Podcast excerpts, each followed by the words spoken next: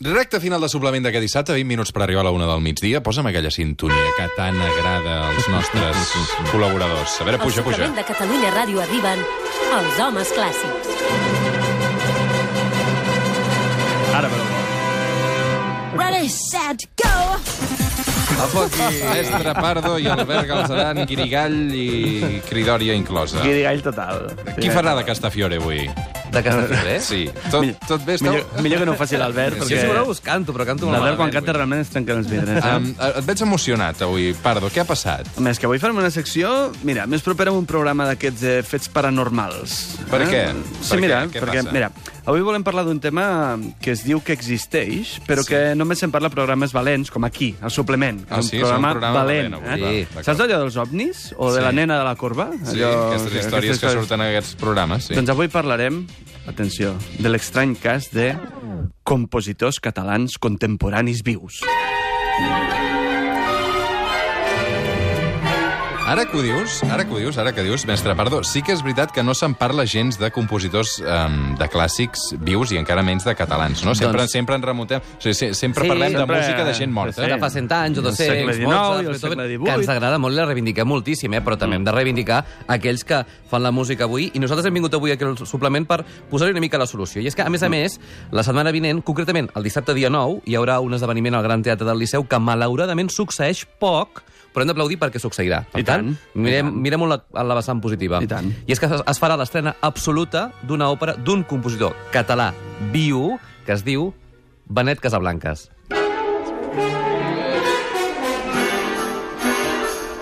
Mm, el Benet Casablancas, que és un dels compositors catalans més valorats els darrers anys, eh? i ha rebut l'encàrrec justament de compondre una òpera del Gran Teatre del Liceu. Fixa't, Roger, que eh, això que fa escassament 100 anys eh, era una cosa habitual, doncs ara és notícia. Doncs, eh, i tant que és notícia, eh, i a més com que no s'ha estrenat, tampoc no s'han tenint ni idea de com sonarà tot això, no? No, clar, clar. Ni com ho rebrà el públic, per exemple.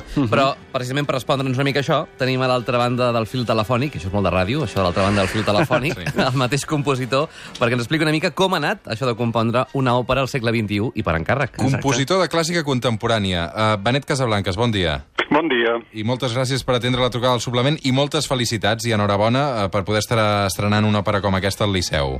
Moltes gràcies, moltes gràcies. Clar, rebre una càrrega com aquest, ara ho dèiem, no és habitual, no?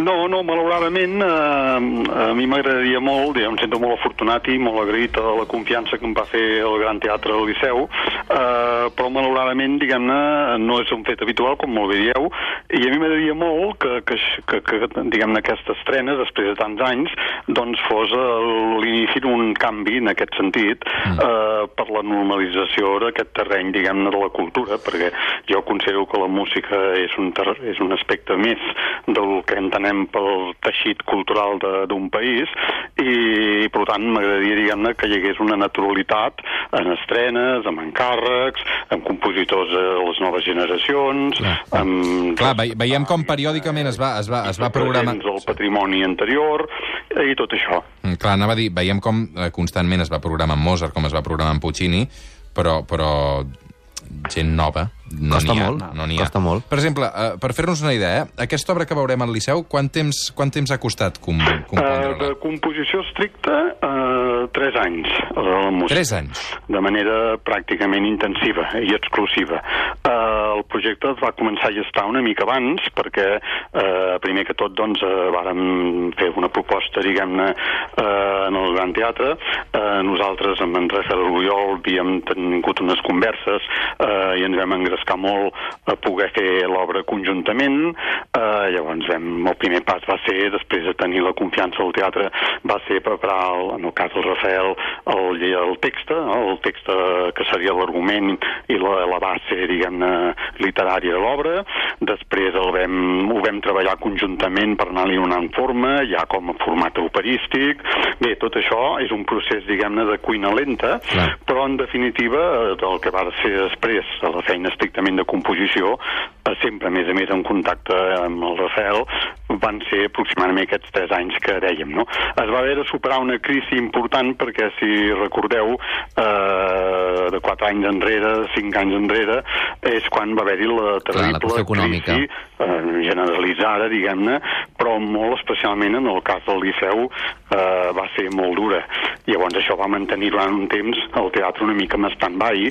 No, el, el director d'aquell moment, eh, Joan Motabosch, eh, va deixar el càrrec, va haver-hi un període d'interinitat i finalment, em penso que va ser el 2015, eh, va venir la nova directora artística, eh, la Cristina Slepeman, i llavors eh, es va haver de tornar a parlar doncs, amb ella, doncs, eh, si seguia interessada doncs, en aquest projecte, etc.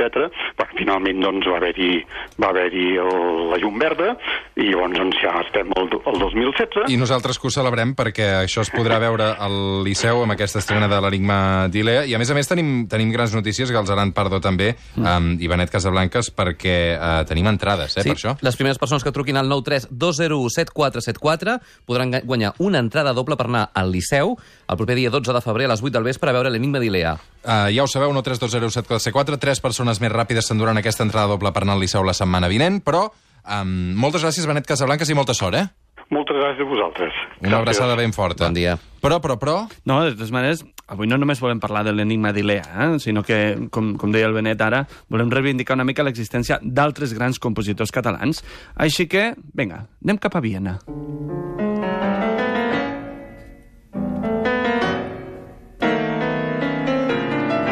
Cap a Viena, no hem dit que parlaríem de compositors catalans. Cap a Viena. No, no, sí, no cap al Viena, eh? Ah. No, no, no. Al Viena no, a Cap a Viena. Àustria. Eh, exacte, però és que abans hem de saber qui és el pare d'aquesta música mal anomenada contemporània, eh? i per això ens hem de traslladar a la Viena de principis del segle I XX. malgrat això parlem de música contemporània, eh, principis del segle XX, perquè el compositor Arnold Schoenberg ens proposa un sistema de composició que es coneix com a sistema de composició dodecafònic, un sistema que neix en contraposició de l'harmonia tradicional i que reflexa la societat del moment. Alerta que tenim el Pardo i el piano. I, ima Imaginem-nos, eh?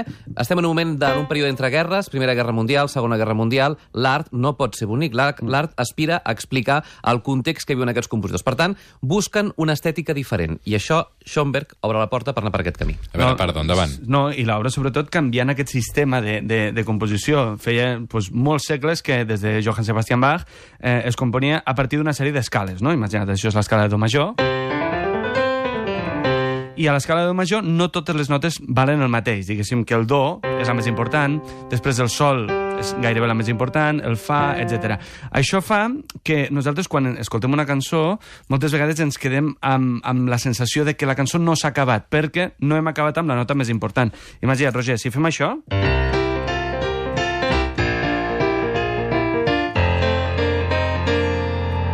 Això em sona, eh? A mi també em sona. Sí, però ha acabat? El jingle de rac Ah, oi, oi, oi, oi, No ha, oi, oi, oi. no ha acabat. Va, tira. Jo diria que no ha acabat. No ha acabat, ens faltava això, escolteu. Veritat, I ara estem com a més tranquils perquè ha acabat, perquè hem acabat justament amb la nota important. Amb el dodecafonisme no hi ha notes importants. Totes les notes, les 12 notes, mira, 1, 2, 3, 4, 5, 6, 7, 8, 9, 10, 11 i 12... Bueno, són set. No, perquè hi ha les notes negres també, eh? les blanques i les negres del, del piano. Totes valen igual, per tant, com que valen igual, jo puc tocar això, mira.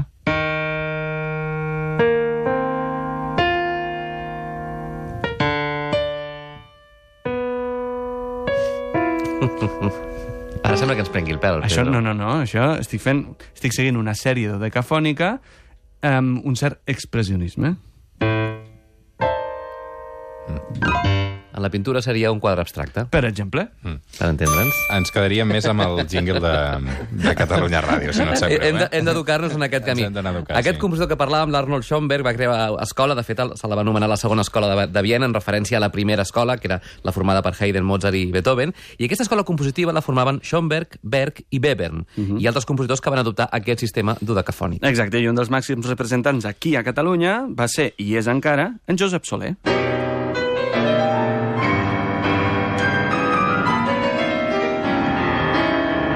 Has vist que s'assembla una mica el que estava jo fent ara, però amb un tempo una mica més alegro, no? Eh. Eh. El Josep Soler va estudiar amb el propi Arnold Schoenberg eh? amb- i amb l'Anton Webern i fins i tot va conèixer Maurice Ravel. Eh? Amb tots ells s'hi va trobar amb la seva època d'estudiant a París i és que París ha estat i continua sent el centre de la música contemporània mundial. I això que ho sap molt bé és un dels darrers Premis Nacionals de Cultura, el meu company d'estudis, que Ep. jo, jo dic amb molt Aquí traiem d'orgull, pit, eh? Sí. ho dic amb molt d'orgull, que és el gran Héctor Parra. Això no seria la cosa més comercial, que diguem, eh? No, no és comercial.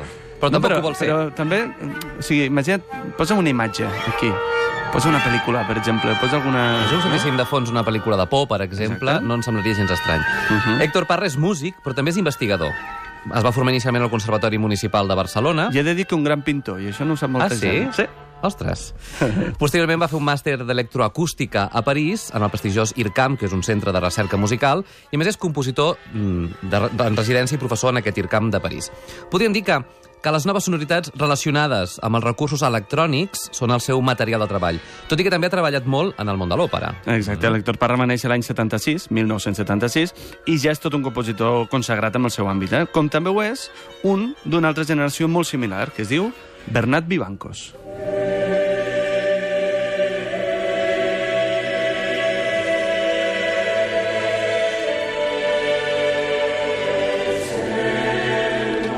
La centraleta de Catalunya Ràdio en aquests moments, des que hem anunciat que teníem entrades per veure aquesta eh, obra, mm. um, està col·lapsada. Les hem mm, regalat ja totes, per tant no cal que continuï trucant, em sap greu, eh, en teníem tres de dobles. Tres eh, dobles fins per anar... aquí. Però és que anar al Liceu és un aconteixement, és un Sí, sí, sí, esdeveniment sí, que val la sí, pena. sí, sí. Per què no anem a fer un suplement? Hauríem de fer Liceu? alguna cosa, Liceu. Sí. Jo crec que hauríem de fer alguna Parlem-ho. cosa. Però estàvem parlant de Bernat Vivanc. No, i a més a més l'Albert i jo segurament sí- anirem amb aquesta estrena, per tant, igual podem trobar amb aquests oients. Eh? Clar, que el saludin, eh? Sí, sí, nosaltres hi serem, sí, sí, sí. Que abracin les panxes. El Bernat Vivanc. En tot cas, Bernat Vivancos va néixer l'any 73 i actualment és professor de l'ESMUC eh? i té part de la seva formació musical a l'Escolania de Montserrat. Aquí, per això, podem escoltar una mica aquesta música coral. Eh? Destaca sobretot la seva obra coral, que l'han interpretat cors d'arreu del món. Eh? Aquest que sentim és de Salt Lake City. Mm. Escolteu, escolteu. No hi ha cap eh, compositor realment conegut en tot aquest món de la contemporània? Què vol dir conegut? Conegut, què vol dir? Jo, jo... Jo- els conec a tots. Que Clar. surti a la llista de Spotify. Eh... Aquests igual els trobarien també, però jo crec que, Mira, sense mira, cap mira. mena de dubte, el compositor català més conegut, a més a més bon amic dels homes clàssics, és aquest. Ara! Ara, ara. Vinga. Guinovar i Maricel. Eh. Exacte. Som-hi. Això seria música contemporània? Home, Sí, no? Sí, no? Estaríem Està fet d'acord, avui en eh? dia, no? Sí, sí, sí, sí, sí. sí, sí és música feta per un compositor viu. Doncs, sense cap mena de dubte, el- l'Albert Guinovar, pensem que és el compositor viu català més conegut i que segurament ho és gràcies a musicals tan, tan, tan famosos i amb tant d'èxit com Maricel o sintonies tan populars com aquesta. Oh, brutal, cor de la ciutat. I tant, carai, que ràpid. Capítol O 3.000, perquè va ser 348.252. llarguíssim. Sí, sí, sí. Sí, sí, i és que moltes vegades cal fer coses mediàtiques, eh, per donar-se a conèixer. Tot i això, escolteu, ens en deixem molts, eh, perquè, per exemple, Malauradament, hi ha sí, ja. el Ramon Homet, per exemple, els germans Ferran i Oriol Cruixent, o, per exemple, un que últimament està molt de moda i, a més a més, acaba de rebre un premi a compositor revelació. Molt jove, Exacte. per tant, I- té molta, segur que té molta cosa per explicar. Exacte, i compositor revelació als Premis Clavé, que és el Joan Magraner.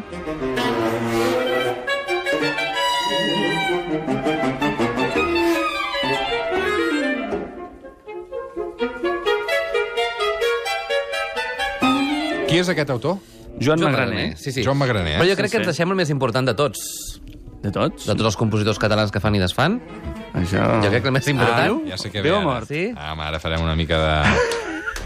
Allò, animal ego, saps? Una mica de piloteig. Va, posa-la.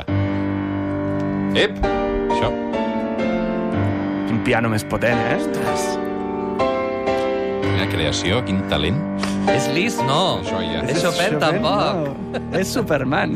És el mestre Pardo! Correcte. A veure, puja, puja això, puja això. No acaba d'arrencar, eh, Pardo?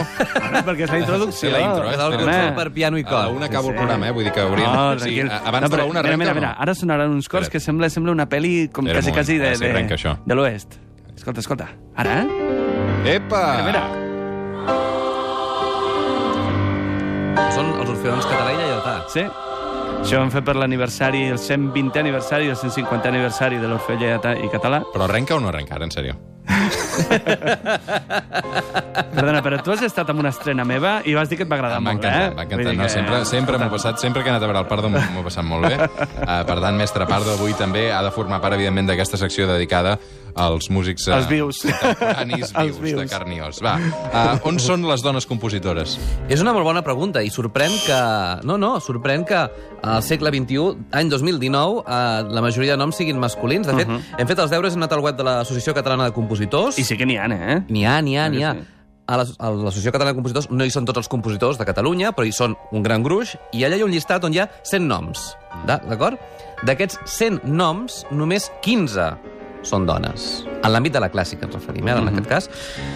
Sí que és cert que durant molts segles la dona ha quedat eh, relegada a les feines domèstiques, en l'àmbit de, de, de l'àmbit social aquí i arreu, però clar, a la- l'època que estem ara, doncs mm. potser sí que hauria de ser el moment que també hi hagi la, Doncs- una eclosió de dones, no només Tant compositores, de bo eh, també Vironera, directores puguem dedicar un d'orquestra. Mhm. capítol a les dones compositores actuals. Uh, Pardo i Galzeran, demà a les 10, Catalunya Música. Demà a les 10 celebrarem l'aniversari de Félix Mendelssohn a Catalunya sí, Música. que aquest està mort, eh? Sí, aquest sí que és mort. Gràcies. Pausa i tornem.